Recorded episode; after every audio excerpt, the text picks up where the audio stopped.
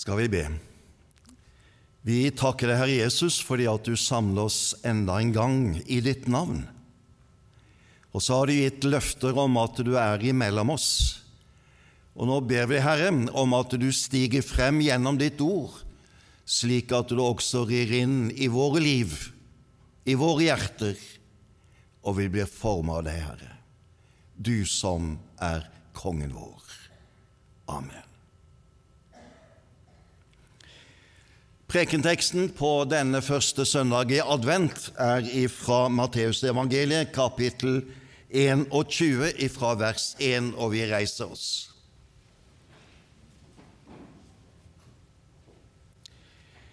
Da de nærmet seg Jerusalem og kom til Betfage ved Oljebergen, sendte Jesus to disipler av sted og sa til dem, Gå inn i landsbyen som ligger foran dere. Der skal dere straks finne et esel som står bundet og har en fole hos seg. Løs dem og lei dem hit til meg. Og om noen kommer med spørsmål, skal dere svare, Herren har bruk for dem. Da skal han straks sende dem med dere. Dette skjedde for at de ordet som skulle oppfylles som er talt ved profeten.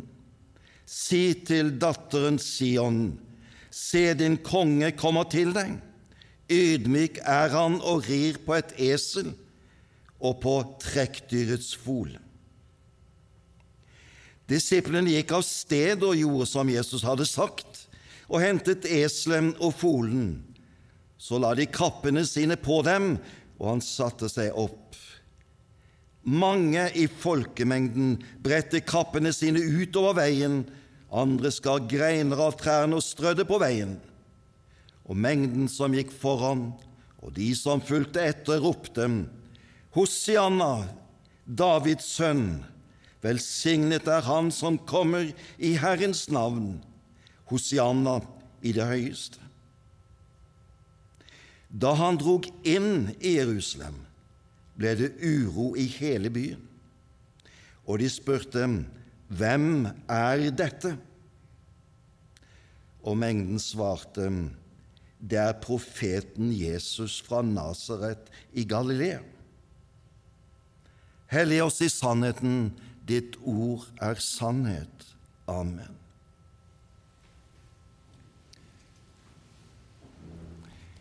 Det er første søndag i advent, og det er adventstiden og forventningstiden som innledes. Samtidig så er det altså da første søndag i et nytt kirkeår. Og Det betyr at vi også går inn i et nytt nådens år i vår egen vandring frem mot fullendelsen. Og så kommer altså da denne teksten til oss. Litt overraskende, fordi det er jo en tekst som vi først og fremst forbinder med påskehøytiden. Men så er det noe spesielt i forholdet mellom tekstene knyttet til selve julebegivenheten og denne teksten. I juletekstene møter vi noen få som hører budskapet om at Jesus er kommet Frelseren. I denne teksten stiger vi frem i det offentlige rommet og forkynner Jesus er Messias. Og Nå skal vi stanse litt for teksten, leve oss litt inn i den, og til slutt spørre hva taler den så om inn i vårt liv, inn i vår tid? Jesus er på sin siste reise. Tre og et halvt år har han virket, både i Jerusalem og Judea og i Galilea. Flere ganger har han reist imellom disse to områdene av Israel. Men så kommer vi altså til den siste reisen, og den starter oppe i nord i Cesarea Filippi. ved Jordans utspring. Der samla han de tolv disiplene omkring seg for å forberede dem på den siste reisen. Og han sier at han må dra til Jerusalem. Det leser du om i kapittel 16 i Matteusevangeliet. Og dette 'jeg må' uttrykke et guddommelig kall. Han er i Guds plan med sitt liv, og han skal fullføre den planen som Gud har lagt for hans liv. Og i den planen ligger der et må. Jeg må til Jerusalem. Og samtidig sier han klart ifra til sine disipler den reisen vil ende på følgende vis. Jeg vil bli tatt til fange av øversteprestene, de eldste og de skriftlærde. De vil pine meg og til slutt ta livet av meg.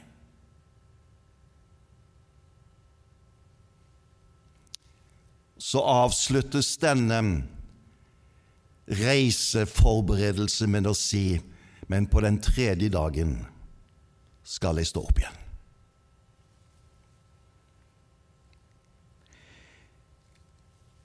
Det er altså starten på denne siste reisen. Og en, denne samtalen med disiplene er et bakteppe for hele denne reisen. Og når de da legger ut fra nord i Galileen, gjennom resten av Galilea og gjennom Jordandalen og opp til Jerusalem, så legger de merke til hvordan Jesus både tale og handle på en slik måte at hans enestående karakter og person stiger frem i mektige gjerninger, i en tale med autoritet. Og folk hører dem, Disiplene hører dem. Det skaper forventninger. De følger ham. Og etter hvert som de nærmer seg Jerusalem, så øker dette, denne folkemengden som følger etter, fordi de er på vei til påskefeiringen i Jerusalem. Denne påskefeiringen i Jerusalem var en høytid som samlet folk fra alle deler, både i Israel og utenfor Israel. Og byen ble sannsynligvis fordoblet i antall, slik at det var oppimot 100 000 som kunne samles i Jerusalem under denne høytid. og så er Jesus vandrende imellom dem. Med sine mektige gjerninger og med sin tale som avspeiler en guddommelig autoritet. Og folket blir i forventning. Det ligger spenning i lufta. For det var ikke bare døperen Johannes i fengselet som stilte spørsmålet Er du den som skal komme, eller skal vi vente en annen? Det var spenning, forventning. For slike ting som de nå så, hadde de aldri sett før. Hvem er han? Og Johannes apostelen skriver i sitt evangelium om stemningen i Jerusalem. Kapittel 11, slutten av det, sier han Det var like før jødenes påskefest, og mange dro fra landet opp til Jerusalem. De lette etter Jesus og sa til hverandre mens de sto der på tempelplassen, Hva tror dere? Kommer han til festen. Og på den andre siden øverste presten og fariseerne hadde gitt påbud om at den som fikk vite hvor han var, skulle melde fra så de kunne gripe ham. Dermed har Johannes satt ord på den spenning og den forventning som lå der. Og på sin reise inn mot Jerusalem stiger han over på Oljeberget. Og så møter vi han i denne teksten, hvor han gjør en spesiell handling, en symbolhandling.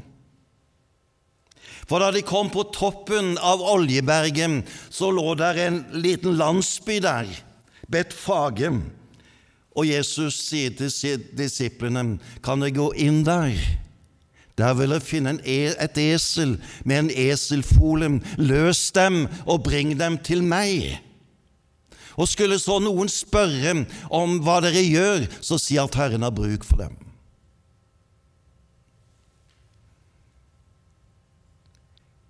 Hva er det Jesus vil med dette? Hva ligger det i denne handling som nå forberedes? Og teksten vår gir et svar på det spørsmålet med disse versene. Dette skjedde for at det ord skulle oppfylles som er talt gjennom profeten. Si til datter Sion, se din konge kommer til deg, ydmyk er han og rir på et esel og på trekkdyrets fole. Handlingen symboliserer oppfyllelsen av det profetiske ord. For i dette som her siteres, er det to gammeltestamentlige ord som hentes opp, to profetord som har med et perspektiv fremover det vi kaller eschatologiske utsagn. Om det som skal komme. Og i Zakaria kapittel 9, vers 9 står det to strofer som gjengis her. Se, din konge kommer til deg. Fattig er han og rir på et esel, på en eselfolen. Og i Jesajas 62, 11 er det første setningen og utsagnet i dette ordet. Si til datter Sion, se, din frelser kommer.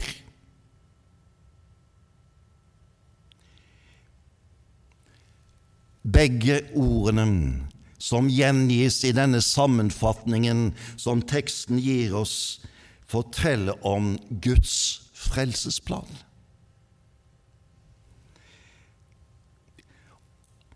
Og ved dette identifiserer Jesus seg med Messias-kongen.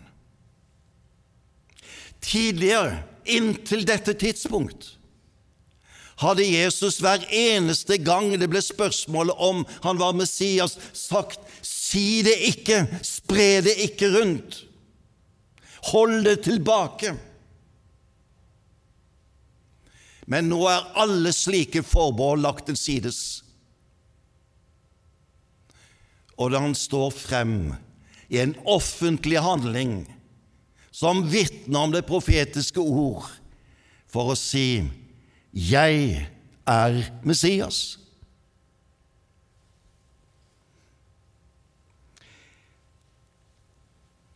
Men han rir ikke på krigshesten. Inntoget minner ikke om en verdslig konge sitt inntog i en by. Han rir på et esel, ikke en krigshest. Det er ikke noe triumf over akkurat den handlingen. Det er arbeidsfolkets dyr og ikke soldaten og krigsherrens. Og hele situasjonen vitner da om det som sies i dette profetordet. Ydmyk er han og rir på et esel. Denne Messias har helt andre dimensjoner enn det som folket omkring spurte og tenkte og sa seg imellom. Det en som bøyer seg inn under den Guds frelsesplan som fører han til Golgata.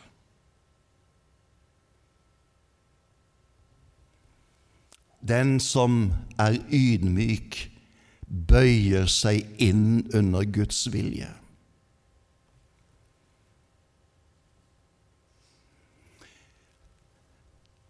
Når disiplene opplever dette, er de full av begeistring.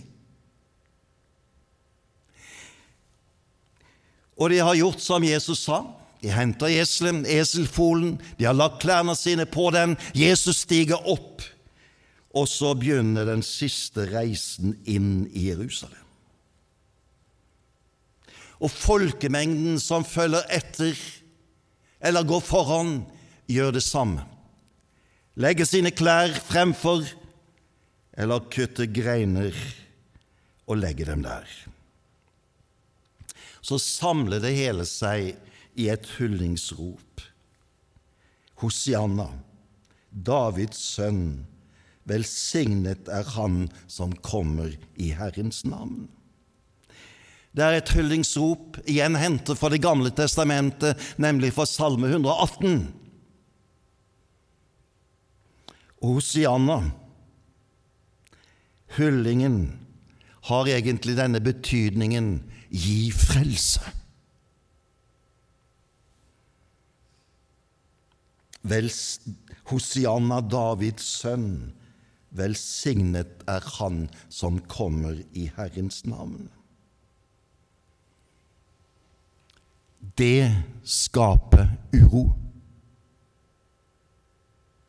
Slike hyllingsrop ute i det offentlige rom i denne situasjonen skape uro. Det er noe provoserende, noe skjellsettende, noe svært problematisk i dette. Og dere ser, da han dro inn i Jerusalem, ble det uro i hele byen. Og Lukas evangeliet som forteller om det samme, han sier at fariseerne kom til Jesus og ba de, han få disiplene til å tie. Og Jesus sier kontant nei denne gangen. Om de tier, så skal stenene rope. Så sterk er denne hyllingen av Jesus som Guds Messias. Og Johannes apostelen som skrev sitt evangelium noe senere. Han refererer også til fariseerne, hva de sa. For de sa, Se dere at kongen, ser dere at ingenting nytter, all verden løper etter ham. Underforstått, han skulle vi ha fjernet for lenge siden.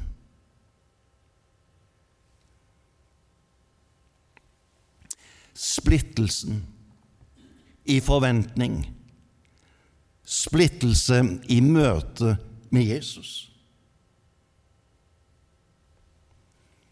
Israels og Jerusalems historie er spesiell. I de par århundrene forut for dette var det en rekke eksempler på hvor personer hadde steget frem for å gjøre seg til Messias og befrier av Israel. Du kan lese om dette i makaberbøkene i apokryfene. Og det var knapt noen by i Midtøsten hvor det hadde flytt så mye blod som i Jerusalem.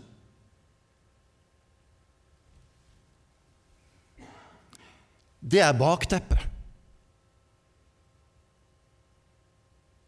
Og når det da plutselig stiger frem en som hylles som Messias, så er det uro. For hva vil skje nå? Er han den som han sier seg å være? Og hvilken Messias er det som da kommer? Folket var splittet. Erfaringshistorien de 200 årene forut har vært blodig. For de som har ridd inn i Jerusalem for å befri dem, har ridd på krigshesten og med våpen i hånd. Er han en ny opprører, eller hvem er han? Og så trer altså da Jesus frem uten våpen, uten krigsherre, krigshesten, uten et frigjøringsprogram for hvordan de skulle ta makten tilbake. Og allikevel lar han seg hylle som Messias.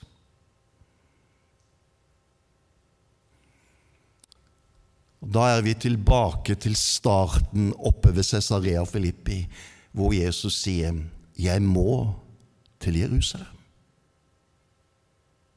Og der vil jeg bli overgitt til øversteprestene, de eldste og de skriftlærde. Jeg vil bli pint til døde.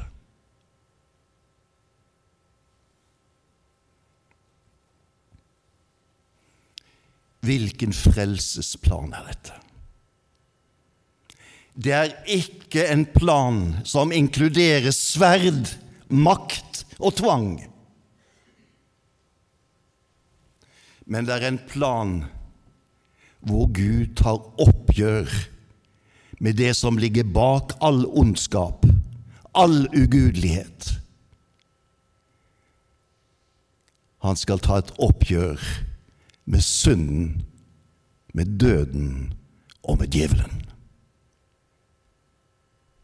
Det er et helt annet messiansk program enn det de hadde sett tidligere, og som de flere ganger etterpå skulle se.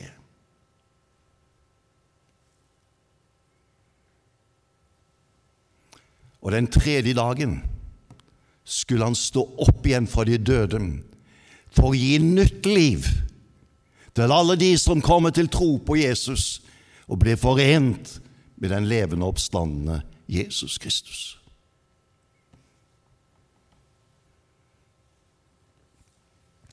Triumfen ligger i forkynnelsen av evangeliet. Om Han som døde i vårt sted, som tok vår skyld på seg, og gjennom dette avvæpna alle makter og myndigheter som hadde lagt beslag på menneskeslekten. For gjennom hans døde oppstandelse er der en frihet som ikke noe sverd kan gi. Men bare ved det enkle, ved å tro på Ham Guds Messias, kongen min.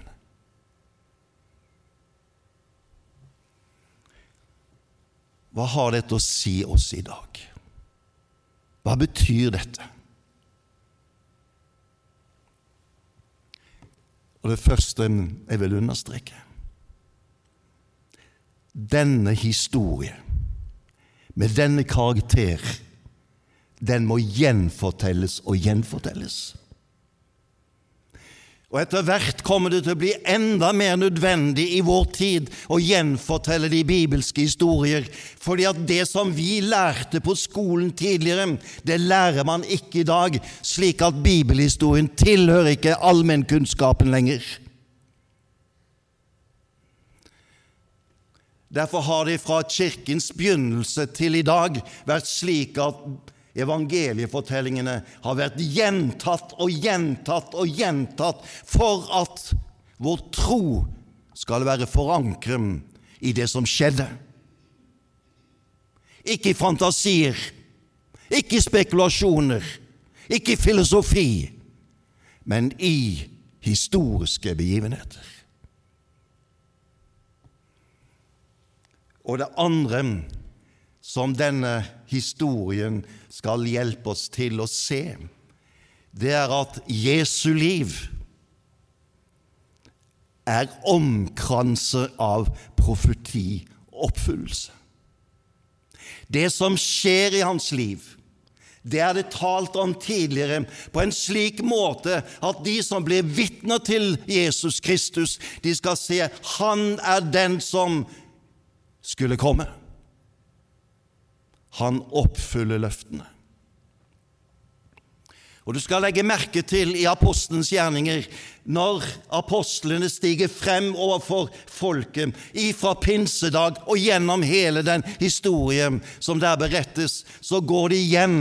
Forkynnelsen av Jesus Kristus skjer på bakgrunn av løftene i Det gamle testamentet, slik at det blir en oppfyllelse av Guds frelsesplan. Les nøye gjennom apostelens gjerninger, så vil du se hvordan dette går igjen. Og hva sier det til oss i dag? Han som en gang kom, han skal komme igjen. Har vi tro og tillit til det? Ja, se på det profetiske ord som gikk i oppfyllelse ved hans første komme. Slik han kom en gang, skal han komme igjen, for Guds ord taler om det.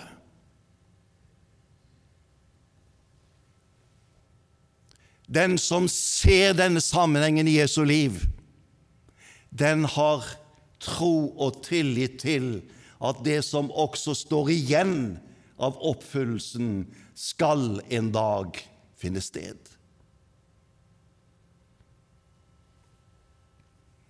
Og det tredje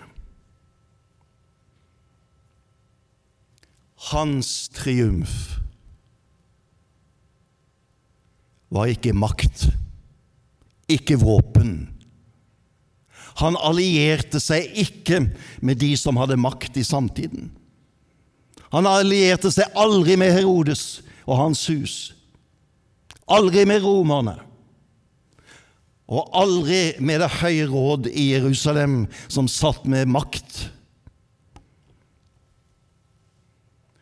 For det er ikke gjennom makt at Guds rike vinner seier. Heller ikke i dag.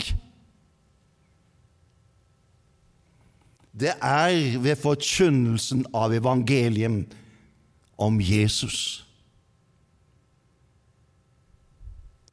Det er ordets sverd. Og det er det eneste som Den hellige ånd bruker for å overbevise mennesker om hvem Jesus er.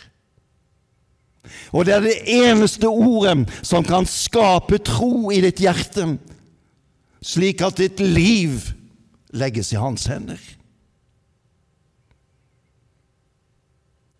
Det er også budskapet til oss om hva som er det som vinner seier også i dag. Derfor vær frimodig. De første kristne var frimodige i sin tro på Jesus. For det var skapt en overbevisning i deres hjerte om at dette var sant.